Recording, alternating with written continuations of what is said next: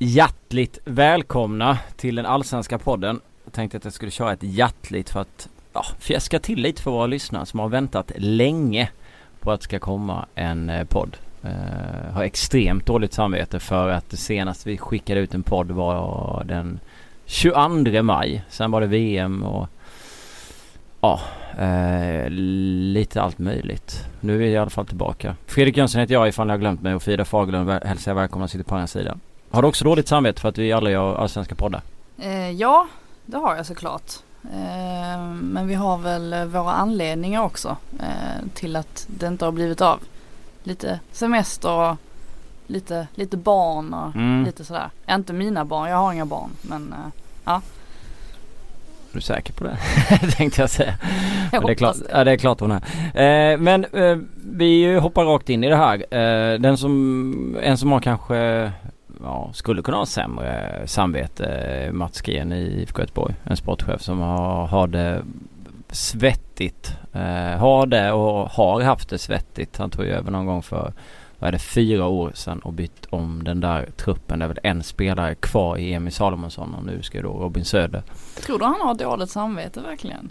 För sina värvningar? Ja, hade han varit kvar då höll jag på att säga. Ja men jag säger att han borde kanske ha. Han kan ha sa jag. Mm. Jag sa inte att han 100% har. För att det kan ju vara så att han inte har det och det är kanske därför han också inte har lämnat det, lämnat det jobbet. Uh, vi jag vet inte riktigt var vi ska börja där egentligen för det, för det finns så mycket, så otroligt mycket att säga. Jag minns när jag träffade honom och han pratade om att de har haft lite otur när de skulle värva spelare för att de hamnade någon annanstans.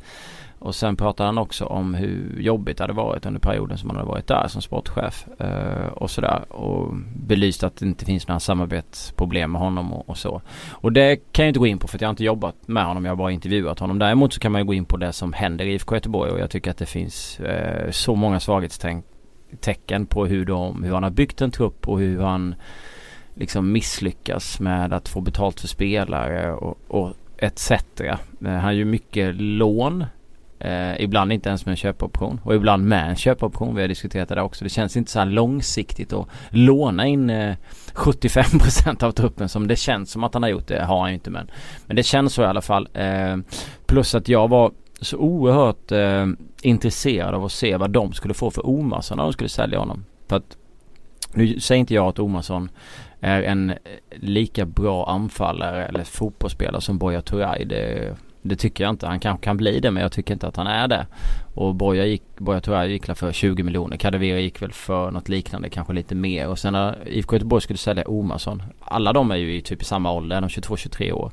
De har gjort 8-9 mål i Allsvenskan under våren. Jag tror Omarsson till och med har gjort fler mål på färre matcher. Eh, eller i alla fall det var så fram till Kadewere kanske skadades. Ja det här kommer jag inte ihåg exakt då. Hur som helst så tänkte man att det borde ligga ungefär på samma nivå. Och först så skrevs det att IFK, IFK Göteborg skulle få 10 miljoner. När de hade fått typ 20-50% tänkte man ja ja men. Det är väl ändå ett steg framåt för, för, för Gren. Det hamnar på 3 miljoner enligt uppgifter. 3 miljoner, alltså en sjundedel av vad eh, Djurgården och Dalkurd får för sin anfallare då. Eh, som ligger på samma snitt. Och det är klart, man ska inte stiga sig blind på snitt men det måste ju ändå finnas ah, Alltså det måste vara någonstans i närheten, eller? Ja, och jag, jag, vet att, eller jag tror att eh, majoriteten eh, av alla höjde lite på ögonbrynet när Kadewere gick för så mycket mm. pengar som han gick för. Eh, och då tänkte man någonstans att det här är ju säkert eh, det, ett resultat dels av en, alltså, en bra, eh, bra agent givetvis men också av eh, Bosse Andersson som har lyckats pressa upp priset så högt och man kan väl tänka sig också att eh, Le Havre hade sett det här med att Kadewere låg ganska högt upp i, i skytteliga och så. Eh, mm. och Omarsson har ju också legat med där eh, uppe. Eh, han har ju ändå fått, eh, alltså gjort en hel del mål så att på så sätt är det ju märkligt att eh, IFK Göteborg inte lyckades pressa upp prislappen och där får väl antar jag Mats Green ta på sig lite av skulden för att han har ju uppenbarligen inte sålt in Omarsson tillräckligt väl. Nej, alltså jag vet inte vem, vem antingen är det han eller, eller så är det agenten. Det är inte, man kan ju inte lasta någon annan. Du kan ju inte eh, lasta på Yashbag eller någon annan i, av dem eh, när det gäller, när det, gäller det. Eh, mm. Så det, det, det, borde ju vara Mats Gren för han har ju ändå det sportsliga huvudansvaret i IFK Göteborg. Det är han som har satt dit tränare och värvat in spelare och lånat in spelare och försökt att sälja spelare, misslyckats med att skriva kontrakt och lyckats med att skriva kontrakt och så vidare. Jag ska bara tillägga också att Kadewere är ju absolut ingen, ingen dålig anfallare. Det var inte så Nej. jag menar men det är ändå ett oerhört, en oerhört stor summa för en spelare som eh, liksom blommade ut nu under våren. Alltså mm. det är ju först nu som han, han faktiskt Exakt. har kommit igång så därför är det ju en ja, men alltså, så, så, alltså CV-mässigt så ser de ju typ likadana ut de här spelarna. Alltså de, det är ju ingen av dem som har ett större CV än någon annan. Det är precis som du säger, Kadewere blommade ut den här våren. Omarsson har gjort sina mål den här våren. Buya Turay har vi sett tidigare absolut och sådär och jag tycker att han är en bättre spelare än båda de två. Eh, det känns som att han kan göra mer som anfallare på, på, på egen hand och så vidare. Sen säger inte jag att de andra två är, är, är, är klappdåliga, absolut inte. Men jag tycker att Buya Turay är bättre än dem. Eh, men, men, jag tycker inte det ska skilja så mycket i pris. Det måste ändå finnas något minimum och det kan ju inte vara 3 miljoner för en anfallare som ändå har gjort så pass mycket mål. Som man ändå har gjort. Eh, så, så det tycker jag är jättekonstigt. Sen finns det så mycket andra saker. Jag tycker det är jättemärkligt att en, en, en, en klubb som IFK Göteborg som har haft en vinnarkultur. Eh, jag, jag känner inte att den finns kvar där nu. De har är slash har varit, de är väl fortfarande en storklubb sett till titlar och sånt men de beter sig inte som en storklubb om man tittar på ledningen. Alltså när, när det ser ut som det gör just nu och det lutar åt det hållet som det gör och man ser att det gör det med, med den personen som är sportslig ansvarig. Jag vet att vi har suttit här tidigare i den här podden för jättelänge sedan. Robert Laul var inne som specialavsnitt och pratade om det. här. Jag tycker det är helt otroligt att en klubbledning och en styrelse som sitter i IFK Göteborg inte gör något åt saken. För att det lutar ju neråt. Alla kan se det här. Det funkar inte som det ser ut just nu. Eh, det, det, gör ju inte det. Man, man, ser på de spelare som har kommit in, alltså det här oseriösa av att pres presentera Abdul Razak till exempel och prata om hur mycket han har i sig och sen ett halvår senare lånar du ut honom och sen skickar du honom. Ingebrigtsen kommer in från Tromsö, det är den första värvningen. Du har inga pengar men du lägger ändå dina första pengar på honom och det kostade ju ändå lite att värva honom. Jag säger inte att han var svindyr men det kostade ju någon miljon, var det två miljoner, tre miljoner sånt där. Han spelar typ ingenting och så skickas han mitt i sommaren. Ett halvår ger du honom. Alltså vad, vad sänder det för signaler till andra spelare som vill komma till IFK Göteborg? Alltså vad, alltså vad skickar det för signaler? Ingen bra signal överhuvudtaget. Och vad skickar det också för signaler för de som håller på IFK Göteborg som tror att man har en sportchef och man pratar om långsiktighet och annat. Han liksom, det är en revolverman. Han bara skjuter fram och tillbaka vilt som, som satan och jag, jag tycker inte att det här liksom funkar och sen så han, eh, han var ju en eh, kompetent fotbollsspelare. Han hade ju en bra karriär men jag börjar tvivla på om man verkligen har de ögonen för att bedöma, bedöma fotbollsspelare.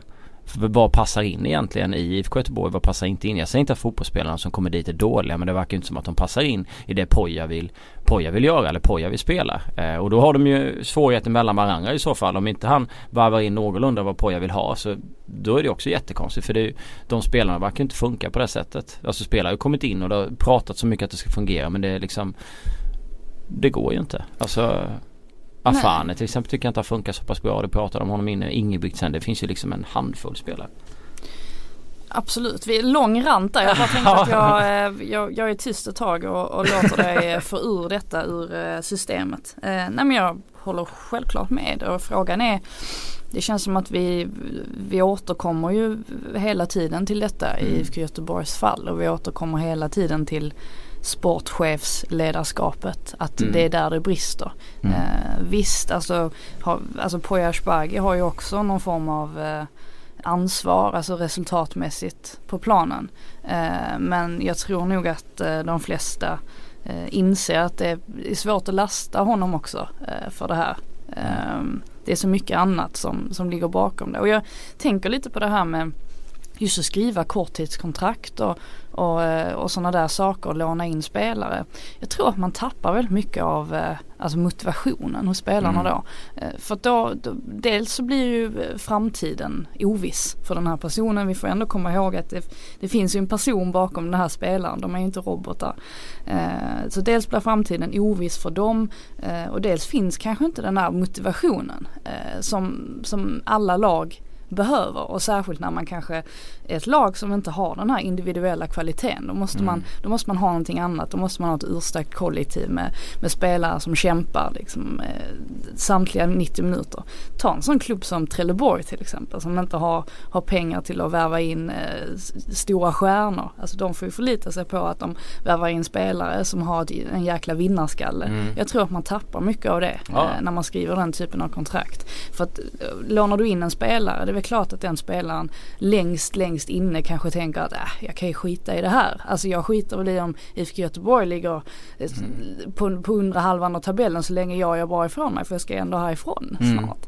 Eh, så att det tror jag, eh, jag håller inte med, du sa det Mats Green att han gillade och han och, sa det till mig att han gillar det för att då behöver han inte bränna pengarna innan. Mm. Typ när vi satt och pratade så tyckte han om att låna in med köpoption för att då kan man släppa spelarna om, om man inte är tillräckligt bra. Mm. Jag tror man tappar någonting då. Ja jag håller med. Och det, det, det, det, är så konstigt på, det är så konstigt och alltså du vet också i god tid Uh, att han visste ju någonstans när de lånade in Engvall att Engvall kunde försvinna och att det fanns ingen köpoption för de har inte råd att köpa honom. Och ändå kan, det tar det så fruktansvärt lång tid innan det kommer in en ersättare. Fönstret stänger typ nu. Det har gått en hel sommar. Han visste ju att Sebastian Eriksson och de där förmodligen skulle försvinna. Han, alltså, då, alltså alla de hade ju koll på att de i centrallinjen skulle dra. Och så tar det så sjukt lång tid att hitta de här spelarna med en sportchef som pratade innan han kom dit om att han har det bredaste kontaktnätet. Han liksom hyllade sig själv. Och vi har inte sett någonting av det här. Det är bara lån hit och dit och bla bla bla. Och eh, jag låter nästan förbannad men jag, jag blir upprörd någonstans när man eh, eh, Alltså när det går så här i, i, i, i klubbar. Eh, jag, jag, det var folk som skrev när jag twittrade något om Robin Söder när han skrev och jag kommer inte ihåg när killen höll på men han bara, man börjar tycka synd om synd om Blåvitt supportrar. Och det, det, blir ju någonstans, man hamnar ju någonstans där. Man kan Det var lite som man kan tycka att eh, ah, jag tänkte på det i Premier League när Fernando Torres där eh, gick från Liverpool till Chelsea och man tyckte nästan att det var lite roligt att han inte gjorde mål i början. Men sen får man liksom Man tycker synd om honom och sen när han gör mål så jublar man lite extra för att man Alltså det har gått så lång tid och man känner sympati med honom och och sådär. Uh, och jag kan tänka mig att andra supportrar kan väl, till andra lag då kan säkert tycka att det är lite komiskt där men sen så går det så pass långt som man tycker man tycker synd om en konkurrents supporter för att ja, klubben är på väg dit den är.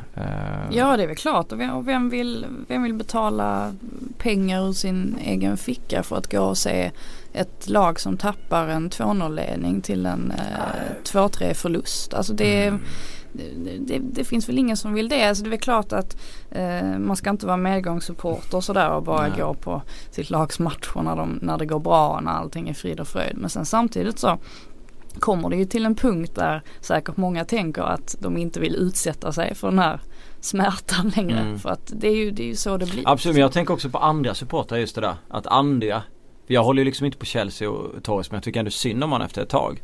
Och att andra supportrar till andra lag börjar tycka synd om IFK Alltså det är ju ändå, det är en väldigt speciell situation för att det har gått, det har gått så så utför. Och just det där du pratade om, vi snackade om det innan vi började spela in, att tappa 2-0 mot Sirius. Men vad är det, tre veckors mellanrum. På, alltså i stort sett samma sätt. Det var bara att de gjorde sina mål lite tidigare på bortaplan än vad de gjorde hemma. Men alltså det är ju horribelt. Jag vet också att um, jag var på Tunavallen för, um, vad blir det, uh, snart är det ett år sedan uh, mm. och såg uh, AFC Eskilstuna mot uh, IFK Göteborg. Och det var ju den match, jag tror den är mest känd för att uh, Omarsson missade öppet mål, kommer du ihåg det? Ja, jätteläge va? Ja, precis.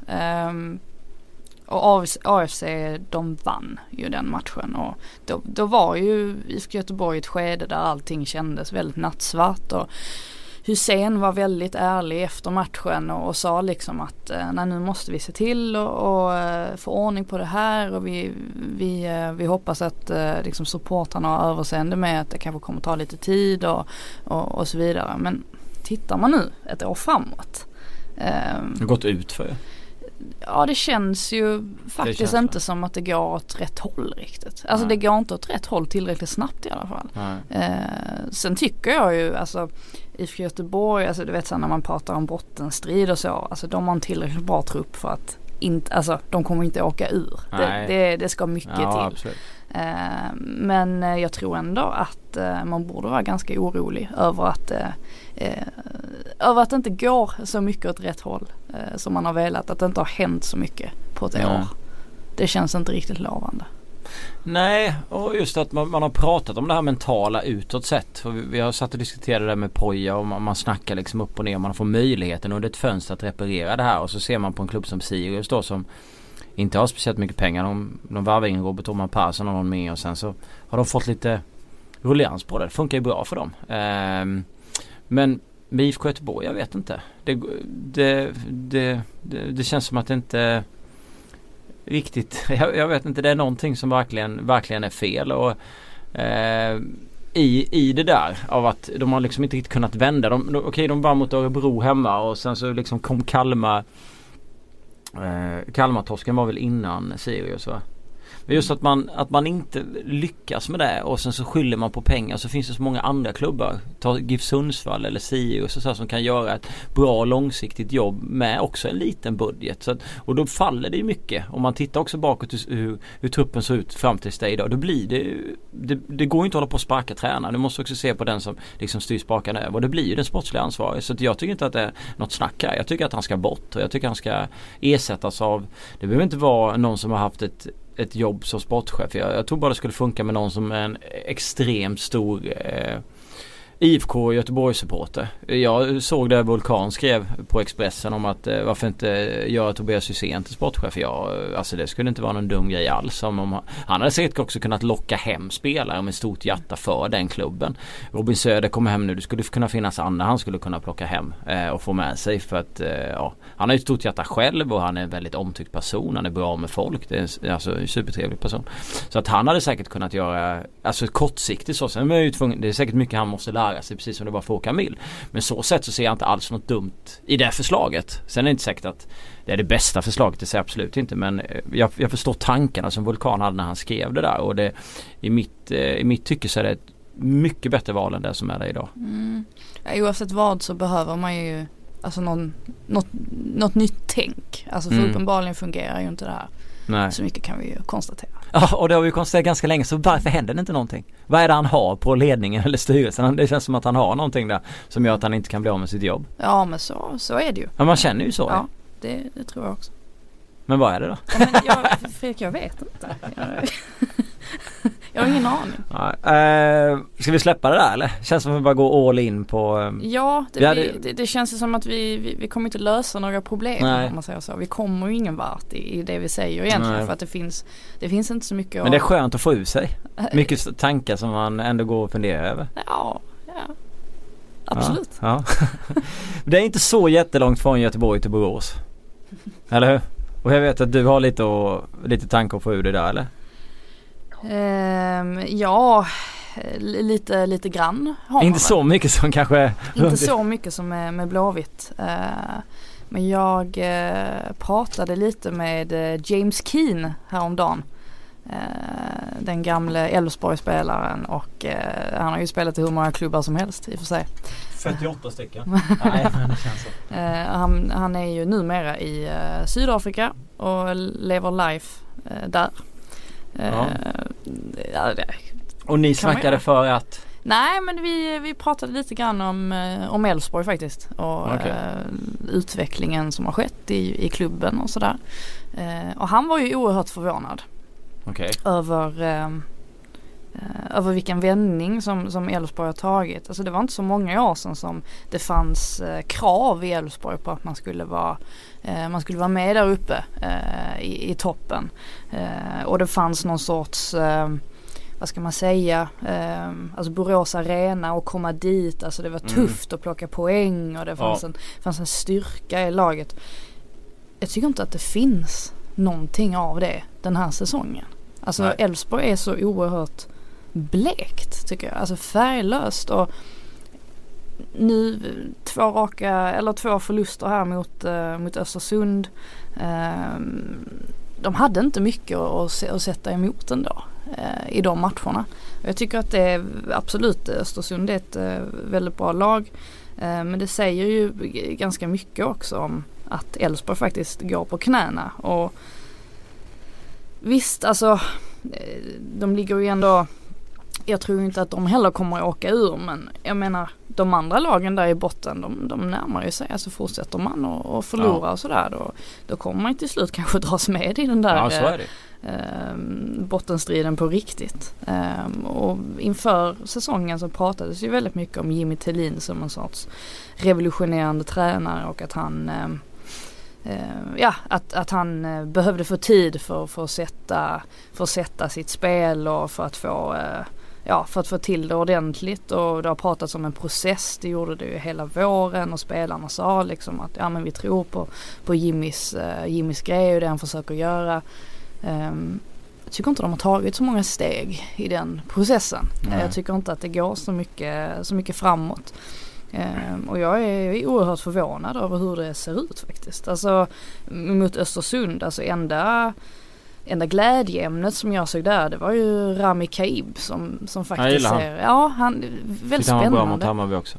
Ja. ja absolut men i övrigt så eh, är det oerhört ja, men blekt. Alltså det, det är nog det attributet jag skulle använda för, för Elfsborg. Jag håller med det du snackade om där. Det kändes som att det fanns jättemycket pondus i Elfsborg. Stefan Andreasson mm. där för några år sedan. Han liksom öste på och värvade spelare och de spände musklerna och, och hela den biten. Men den eh, finns ju inte alls kvar nu. Eh, den är lika, lika svagt som försvarsspelet när eh, Kron får, får göra mål där han bara springer rakt fram och lägger över den på vänsterfoten och sätter den.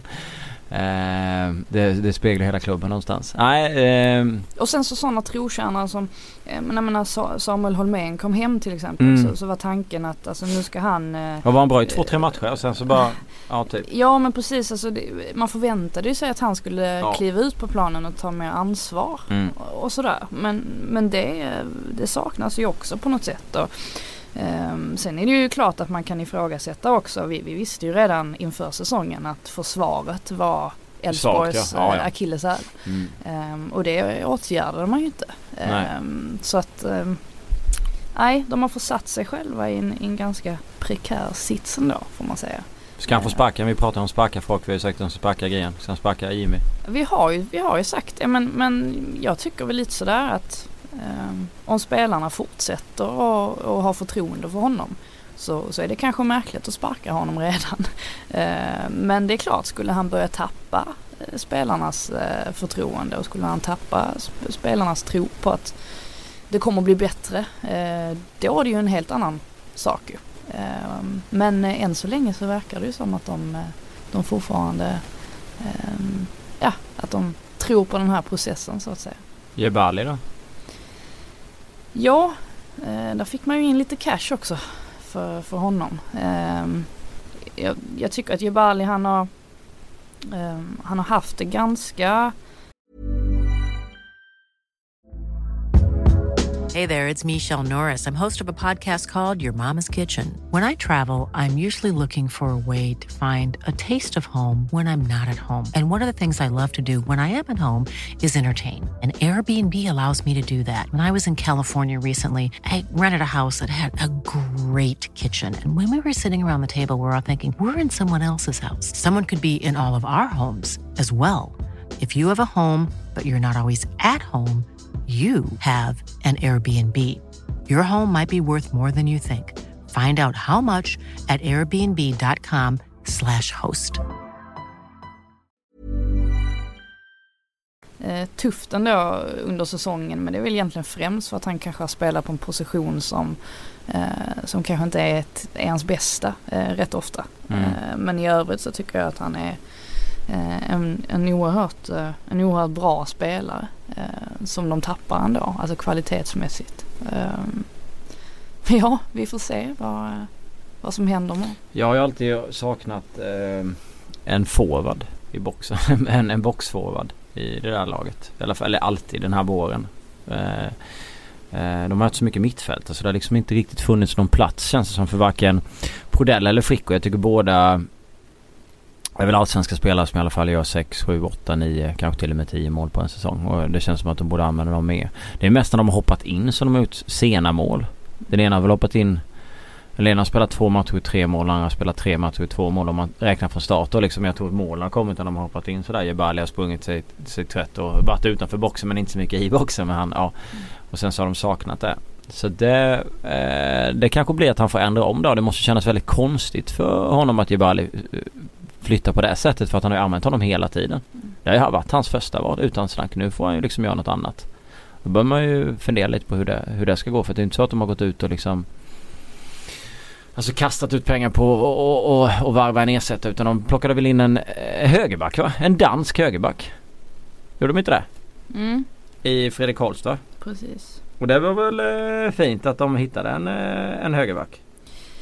Eh, ja absolut. Eh, det är ju kul att se överhuvudtaget att de värvar. Jag hajade till lite när jag såg att de hade värvat just för att det har inte hänt så mycket eh, på transfermarknaden annars för dem. Nej. det var ju väldigt, väldigt tungt. Ehm, så det är klart att Holst, att det är positivt överhuvudtaget att man plockar in, plockar in nya spelare. Ja. Ehm, men det är som du säger, det saknas en, en udd och en spets och man Folk har ju liksom hånfullt har varit rätt spydiga och sagt liksom att ja, man, man kan inte ställa upp med, med tio mittfältare eh, mm. i en startelva. Eh, mm. Men eh, någonstans så har det väl legat någonting i den där kommentaren ändå att eh, ja. det är ju faktiskt lite så det har sett ut. Där är, där är ju mycket kvalitet mm. i Elfsborg men de får, får liksom inte ut det. Nej.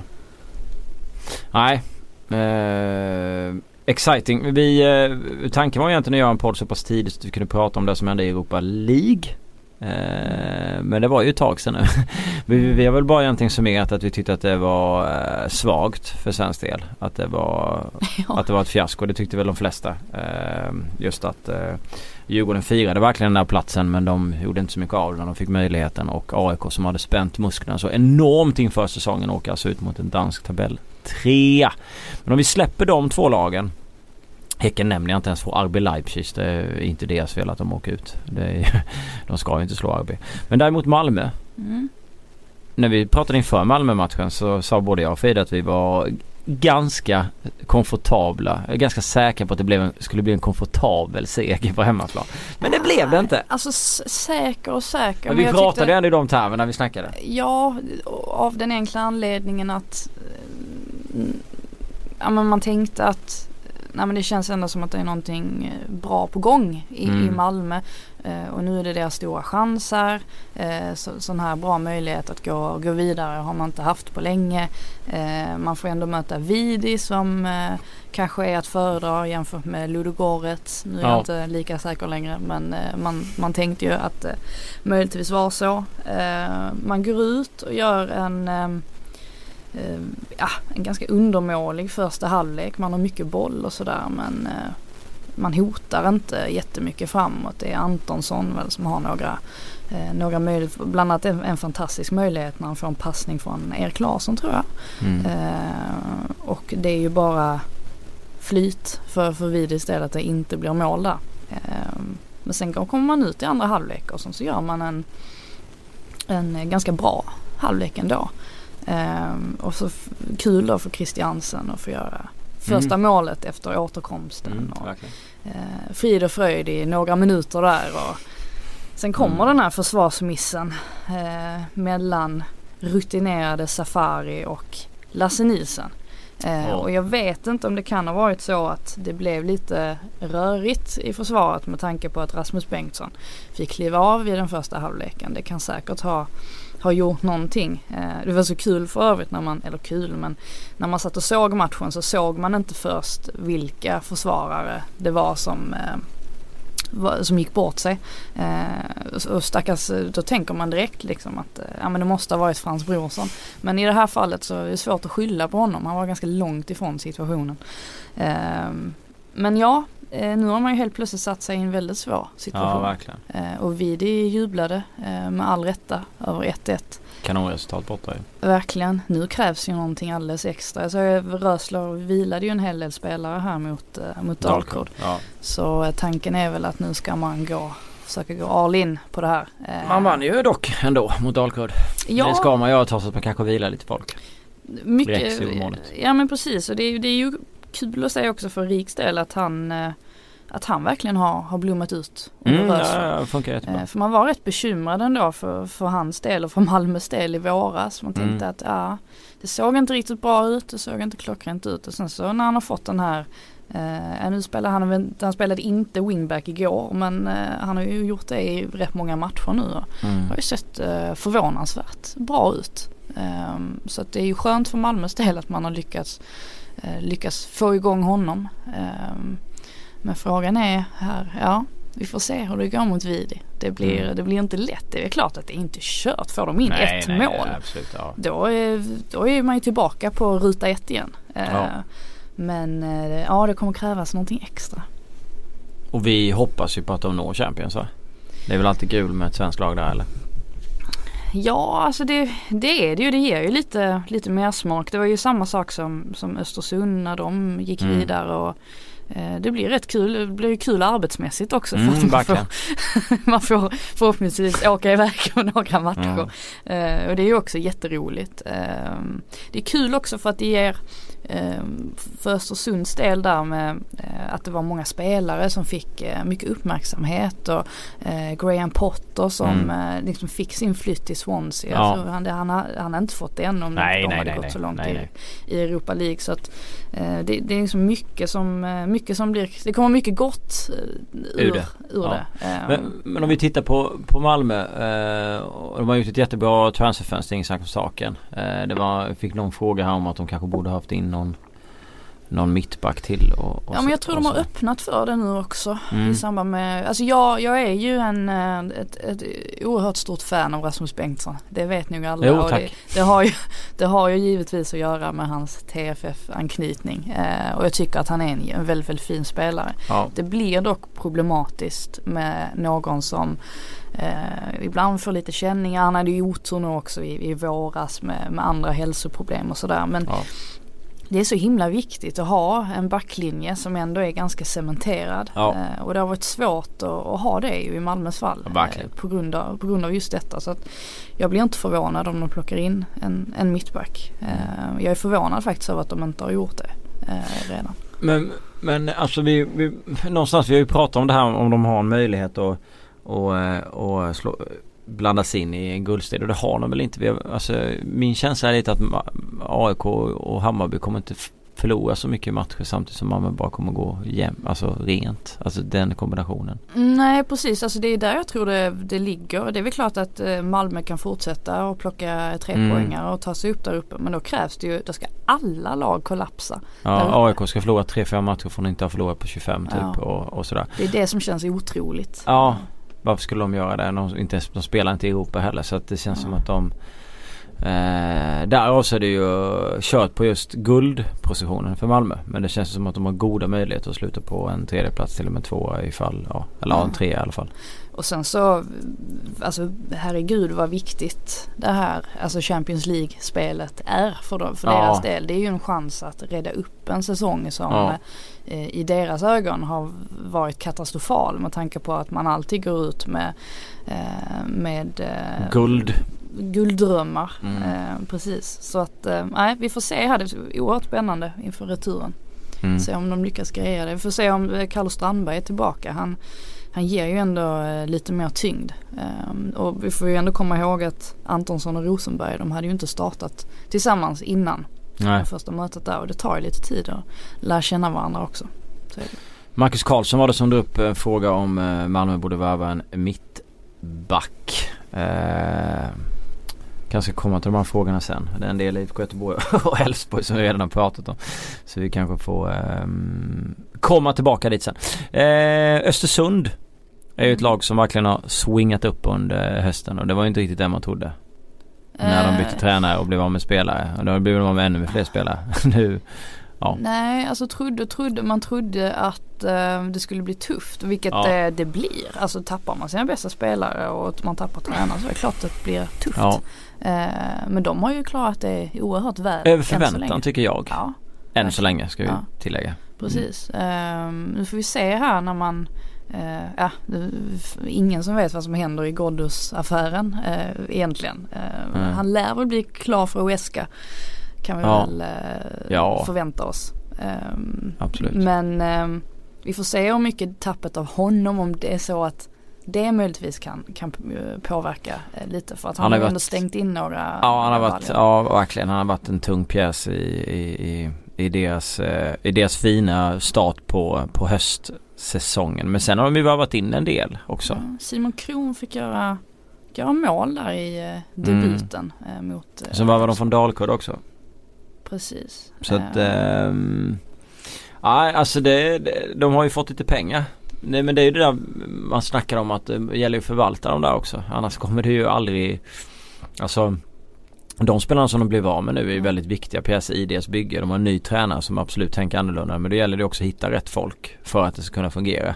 Absolut, det är ju där man ska ha lite flyt Ja. också. Eh, Och, och kunnande då givetvis när man värvar de här spelarna. Det är lite där vi var inne på och nosade med IFK Göteborg. Man vet ju inte riktigt eh, om de är synkade med vad de värvar för att spelarna som kommer in funkar ju inte. Och då ibland börjar jag fundera, det är Grens fel då eh, hela tiden eller är det ibland liksom eh, Pojas tränarens? Det är väl därför man tänker att eh, det kanske tyngsta tappet ändå för, för Östersund i allt det här kanske är ändå eh, talangscouten. Eh, Kyle, Mac Mm. och jag vågar, vågar inte mig på att gissa. Va? Men det är någonting, det är Kyle heter han i alla fall. Ja, Kyle. Eh, Vi kallar honom för Mr K. Mr K. Eh, det känns som att eh, han har ju varit en stor bidragande faktor till, till att Ja. det har gått så bra. Eh, som lyckades hitta Bachirou i någon liten skotsk eh, håla. Eh, och han eh, lyckades hitta, eller eh, hittas, hittas inom citationstecken eh, Saman Ghoddos ändå som Mm. liksom ratades av TFF. Eh, och sen så ser, de en, ser han ändå någonting som, som Potter sedan utvecklade. Alltså man ska det är väldigt viktigt att hitta de eh, kolbitarna som man ska göra om till diamanter. Eh, så vi får, Oh. oj, jag fick in, en, fick in lite metafor där också. Eh, nej, så vi får väl se om eh, nyförvärven här om, eh, om det klaffar rätt. Mm. M. Brienza har eh, 100 frågor i en tweet. Rätt starkt med tanke på att det inte är så många tecken. Men Oj, har Dalkurd gett upp? Varvar DIF en mittback till? Varför tjongar inte Trelleborg med? Vet Jimmy Tillin att man kan spela med ett annat än mittfältare? Hur mår Nanne? AIK Sveriges Manchester United där potentialen är större än utfallet i spelet? Spelar Sundsvall bäst fotboll? Är Poja en bluff? jag vet inte ens var vi, var ska vi ens börja? Ska vi Var börja med? Dalkurd? ja, välj, en, välj en fråga va? Eh, ja vi kan väl börja prata lite om, men vi pratar lite om bottenstriden överhuvudtaget. Mm. Eh, och vad man tror och sådär. Eh, det känns ju som att eh, någonting eh, inte är som det ska i, i Dalkurd generellt när det kommer till inställning och så vidare. Eh, jag vet att eh, Patrik Winqvist, eh, Trelleborgs tränare, sa det efter förlusten här mot eh, Hammarby att ehm, eh, han menade på att eh, TFF, han känner att TFF kommer inte, kommer inte åka ur av den enkla anledningen att man klev in i den här säsongen med eh, eh, målsättningen att man skulle eh, att man skulle hamna typ 12 eh, eller någonting. Alltså man var väldigt ödmjuk i sin målsättning. Eh, medan Brommapojkarna pratade om att de skulle, det skulle vara BP 2.0 och eh, Dalkurd de skulle ta över världen för att citera eh, exakt vad Winqvist sa. Det är inte mina ord. Eh, och det kan väl ligga någonting i det också. Mm. Eh, och som gör att jag ändå får känslan av att TFF kommer klara sig kvar. Mm. Just att man, eh, man, har inte, man har inte gapat efter mer överhuvudtaget. Samtidigt som man går ut mot Hammarby och gör en eh, ganska bra match ändå. För, eh, spelar med en fembackslinje som ser väldigt intressant ut. Jag hoppas faktiskt att han, han fortsätter göra det för att det såg, det såg väldigt lovande ut.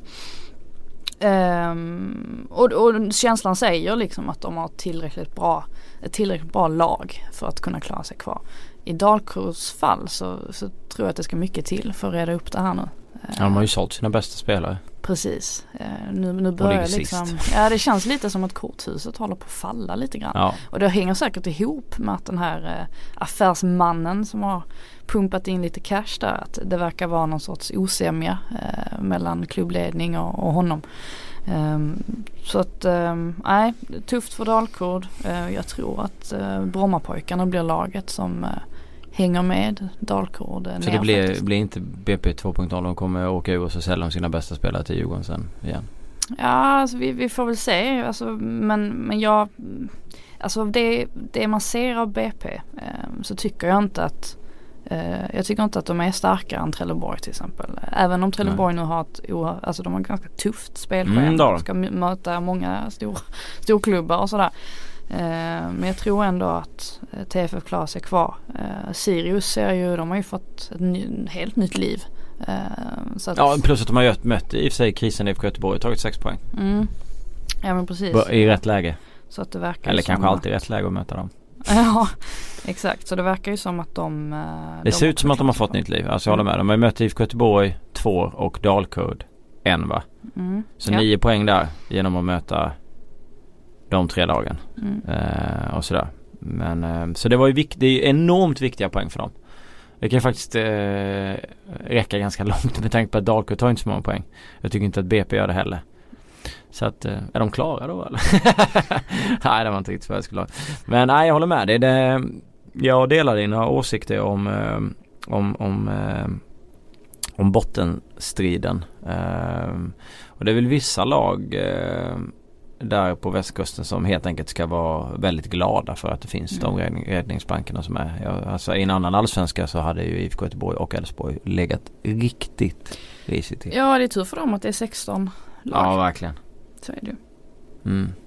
Annars hade de kunnat trilla ut, trilla ut båda två. Ja men så är det verkligen. Det är, det är så otroligt illa. Det är jättemycket frågor om Göteborg. Vilken omgång blir IFK Göteborg klara för Superettan? Jag tror inte att det kommer hända. Eh, Nej. Det ska nog oerhört mycket till Mm. faktiskt. Men den här frågan om att AIK är Sveriges Manchester United är potentialen större än utfallet i spelet. Det var lite intressant. Jag har aldrig hört den. eh, Inte den jämförelsen men den är, den är ju ändå lite kittlande. Man förstår ju liksom tanken i frågan. Ja, absolut. Vad Ja, tänker det- du? Nej men just att eh, det, det har man ju känt när man har tittat på Göteborg eller på AIK. Det har varit för mycket Göteborg idag. Eh, på AIK, de, har- alltså, de har så pass mycket, det är mycket erfarenhet, det är mycket spel, mycket kunnande och även kvalitet offensivt i sånt som, som Olsson och andra spelare. Och det är inte alltid man får ut det för att prioritet nummer ett är att stänga, alltså defensiven ska vara bra som möjligt. Så det är klart att det kan finnas något i det utan tvekan. Mm. Men sen skulle jag, vill, jag, vill jag inte gå så pass långt så att jag vill sitta här och jämföra spelare hit och dit. Men eh, det, det är klart att offen, det finns ju Det finns ju potential i AIK AIK spelare att spela en annan typ av fotboll. Det är väl det laget som har en trupp att man kan spela olika typer av fotboll. Du kan spela defensiv fotboll men du skulle också kunna spela mer offensiv fotboll med det här laget. De är ju liksom ytterbackarna är ju så pass lagda åt det hållet och du har liksom försvarslinjen och du har det mittfältet, eh, det bolltrillandet och sådär. Så det ser jag absolut att de skulle kunna spela en annan fotboll. Men just den de spelar nu är extremt vägvinnande. Så varför ändra? Det är ju inget snack om saken. Nej jag tror att det är en fotboll, eh, jag tror att hela den här eh, alltså 3-5-2 och hela Norlings eh, filosofi Eh, det är säkert ingen rolig fotboll att spela själv. Alltså, som, alltså jag tror inte att det är den, den fotboll, om man hade fått välja precis vad som helst, alltså vilken filosofi Så väljer du inte den fotbollen? Eh, nej, och, och det kan säkert bli oerhört, eh, eller säkert bli det, ibland blir det ju trist att, Mm. titta på också. Mm. Eh, men jösses vad starka de känns. AIK, jag slås av det Ja. eh, varje, varje gång jag ser dem nästan. Eh, Särskilt på Friends också. Mm. Eh, och vilket lugn det finns överlag på läktarna. Till exempel då när, i matchen mot BP när, när BP ändå tar ledningen. Och så tänker man att ja, nu, nu borde det börja bli frustrerat i AIK. Men just när det känns som mest frustrerat, alltså när man ändå börjar, börjar snudda vid den där känslan. Ja men då kommer målen och sen bara rinner det iväg. Mm. Eh, och det var ju Stefanelli där som gjorde tre mål i. Ja, det blev slakt. Den Det matchen. var 5-1 till slut. Ja men precis och, det- och det säger ju en del. Och det Ja. känns det känns ju som ett guldvinnande lag. I alla fall ett lag som kommer vara med där uppe och slåss ända in på sista Mm. omgången. Just när man vinner matcher på det sättet. Att det kan se det ser liksom inte klockrent ut, det ser inte jättebra ut och sen så Nej. går man ändå och vinner med, med tennissiffror. Det är ga- ganska anmärkningsvärt faktiskt. Mm. Sundsvall. Får frågan om de spelar bäst fotboll. Det är samma kille Brianza. Eh, sett till eh, budget och, och så vidare så är det väl inget snack om saken. att Vi de- är ju stora fans av eh, Cedergren. Ja absolut. Eh, Och det jobbet de har gjort när de har plockat in de spelarna som funkar så pass bra. Sett till att kassakistan var tom. Han skämtar ju om det där själv att det finns inga pengar i den. När man tittar ner så är den helt. Och ändå gör de det så pass bra och hittat fina, fina spelare. Bataneo till exempel. Eh, nu sålde de ju Gall. Eh, men de har ju gått fint ändå. Linus Hallenius har ju fått någon slags eh, storform Mm. när han kommer tillbaka verkligen tagit ansvar och, och för sitt Sitt säger jag ju för att han är väldigt Sundsvall. Eh, framåt på bra sätt. Han har ju kanonfint slag liksom. Gjorde ett fint mål senast. Så att, nej de... Eh... Vi måste lyfta Mike Sema också. Ja Mike Sema med. Ken får så himla, får så himla ja. mycket uppmärksamhet. Men Mike han har eh, sett fin ut sen han kom tillbaka från sin ja, verkligen. armskada. Ja superbra verkligen de senaste veckorna. Det var alltså han borde ju gjort mål mot, vilka var det var det? AIK, han hade så mycket chanser. Och sen så har han fått ut det nu lite mer målmässigt efter det också. Nej han, han har varit superbra. Det är en styrka också i sig att när man säljer Gall och man känner att det kanske, ja Mike Sema var ju inte, alltså Gall var ju superbra när, innan han gick och sen så kommer Sema upp i en fin form lagom till att är Gall. Mm. Alltså det är ju det är ju det är så det ska vara och det är ju bara att lyfta på hatten för en sån sak. Så att. Det är väl lite där också när man tappar sina bästa spelare eller några av sina bästa spelare som ju Sundsvall gjorde nu till den här säsongen. Så tänker man automatiskt att ja, men nu kommer det bli tufft, det var inga pengar heller. För att jag var ju en av dem som tippade Sundsvall långt ner i tabellen. Det var absolut inte baserat på att Cedergren inte är en kompetent tränare. För att det, han har ju suttit och hyllat mm. podd efter podd. Eh, utan det var baserat på att man tappar sina, eh, man tappar Danielsson. Larsson. Mm, ja. Precis och, och, plus att det är ont om pengar att värva in mm. nya. Men eh, här kan vi ju verkligen snacka om eh, några fullträffar som man ja, har gjort. Alltså i nyförvärv. Där det faktiskt har fallit oerhört väl mm. ut. Så att eh, nej. Ehm, eh, än så länge är ju Sundsvall årets succélag. Ja utan tvekan. Tysk fotboll ställde en fråga om allsvenskan och föga förvånande handlade den om det som hände på västkusten. Varför är fixeringen från tränare så oerhört stor på att ha en egen spelidé och satsa på det fullt ut trots svaga resultat när befintligt spelarmaterial är lämpligt för något helt annat? Tycker både Tellin och Poja kommer undan alldeles för enkelt. Jag tycker väl inte riktigt att de kommer undan alldeles för enkelt. Vi har pratat ganska mycket om, om Tellin. Att han skulle ha fått tid och, och sådär liksom. Men jag fattar också vad han menar med det där för att man skulle också kunna lasta Man skulle kunna lasta Poja mer och mindre Gren om man ville. Om jag, man såg sakerna ur ett annat perspektiv. Absolut. Eh, jag tror att en av anledningarna till att Poja inte får eh, så mycket kritik ändå eh, som han hade kunnat få. Mm. Det är nog för att han är väldigt, väldigt ärlig. Just på presskonferenser efteråt. Intervjuer och så vidare. Han, han står liksom inte och han kommer inte med ursäkter riktigt. Utan han, är, han är, står rakryggad och det tror jag uppskattas ändå. För som sagt alla vet ju vad som Eh, pågår bakom kulisserna på ett ungefär och alla vet om att det är många värvningar som inte har fallit, fallit väl ut och att han inte har ett jättebra spelarmaterial att, att jobba med. Eh, men det är klart, alltså fortsätter Fortsätter man tappa poäng i match efter match och fortsätter man att kollapsa på det här sättet som ett Sirius då lär väl kritiken komma mm. mot Poja så småningom. Eh, men, om vi säger att Gren inte hade pratat lika mycket utåt och han hade varvat spelare, inte lånat spelare utan varvat spelare i god tid. Då hade ju förmodligen Poja fått mer skit. Det är ju inget snack om saken. Men det är just att Gren liksom, han gräver ju det här själv genom att mm. ja, agera som han gör och då faller det mycket på honom och Poja får. Så att Thelin tycker jag väl inte jag tror att en av anledningarna till att just att Thelin inte får så mycket uppmärksamhet det är den enkla anledningen att det är inte jättemånga i Sverige som, som bryr sig om eh, Elfsborg. Eh, så enkelt är det. Hade Thelin varit i IFK Göteborg mm. vi. Eh, och eh, vi säger att han hade fått eh, eh, Eh, ja, man hade haft bättre spelare att jobba med och sådär. Då, då, tror jag att kritiken hade kommit för, för länge, länge sedan. Eh, det är väl det som kanske är skönt också som ny tränare. Att man får vara i Elfsborg där där, inte, där inte uppmärksamheten är lika stor som i en liten större klubb. Mm. Eh, det är lite samma sak med Häcken. Det är ingen som pratar riktigt om att de faktiskt har halkat ner ganska rejält i tabellen.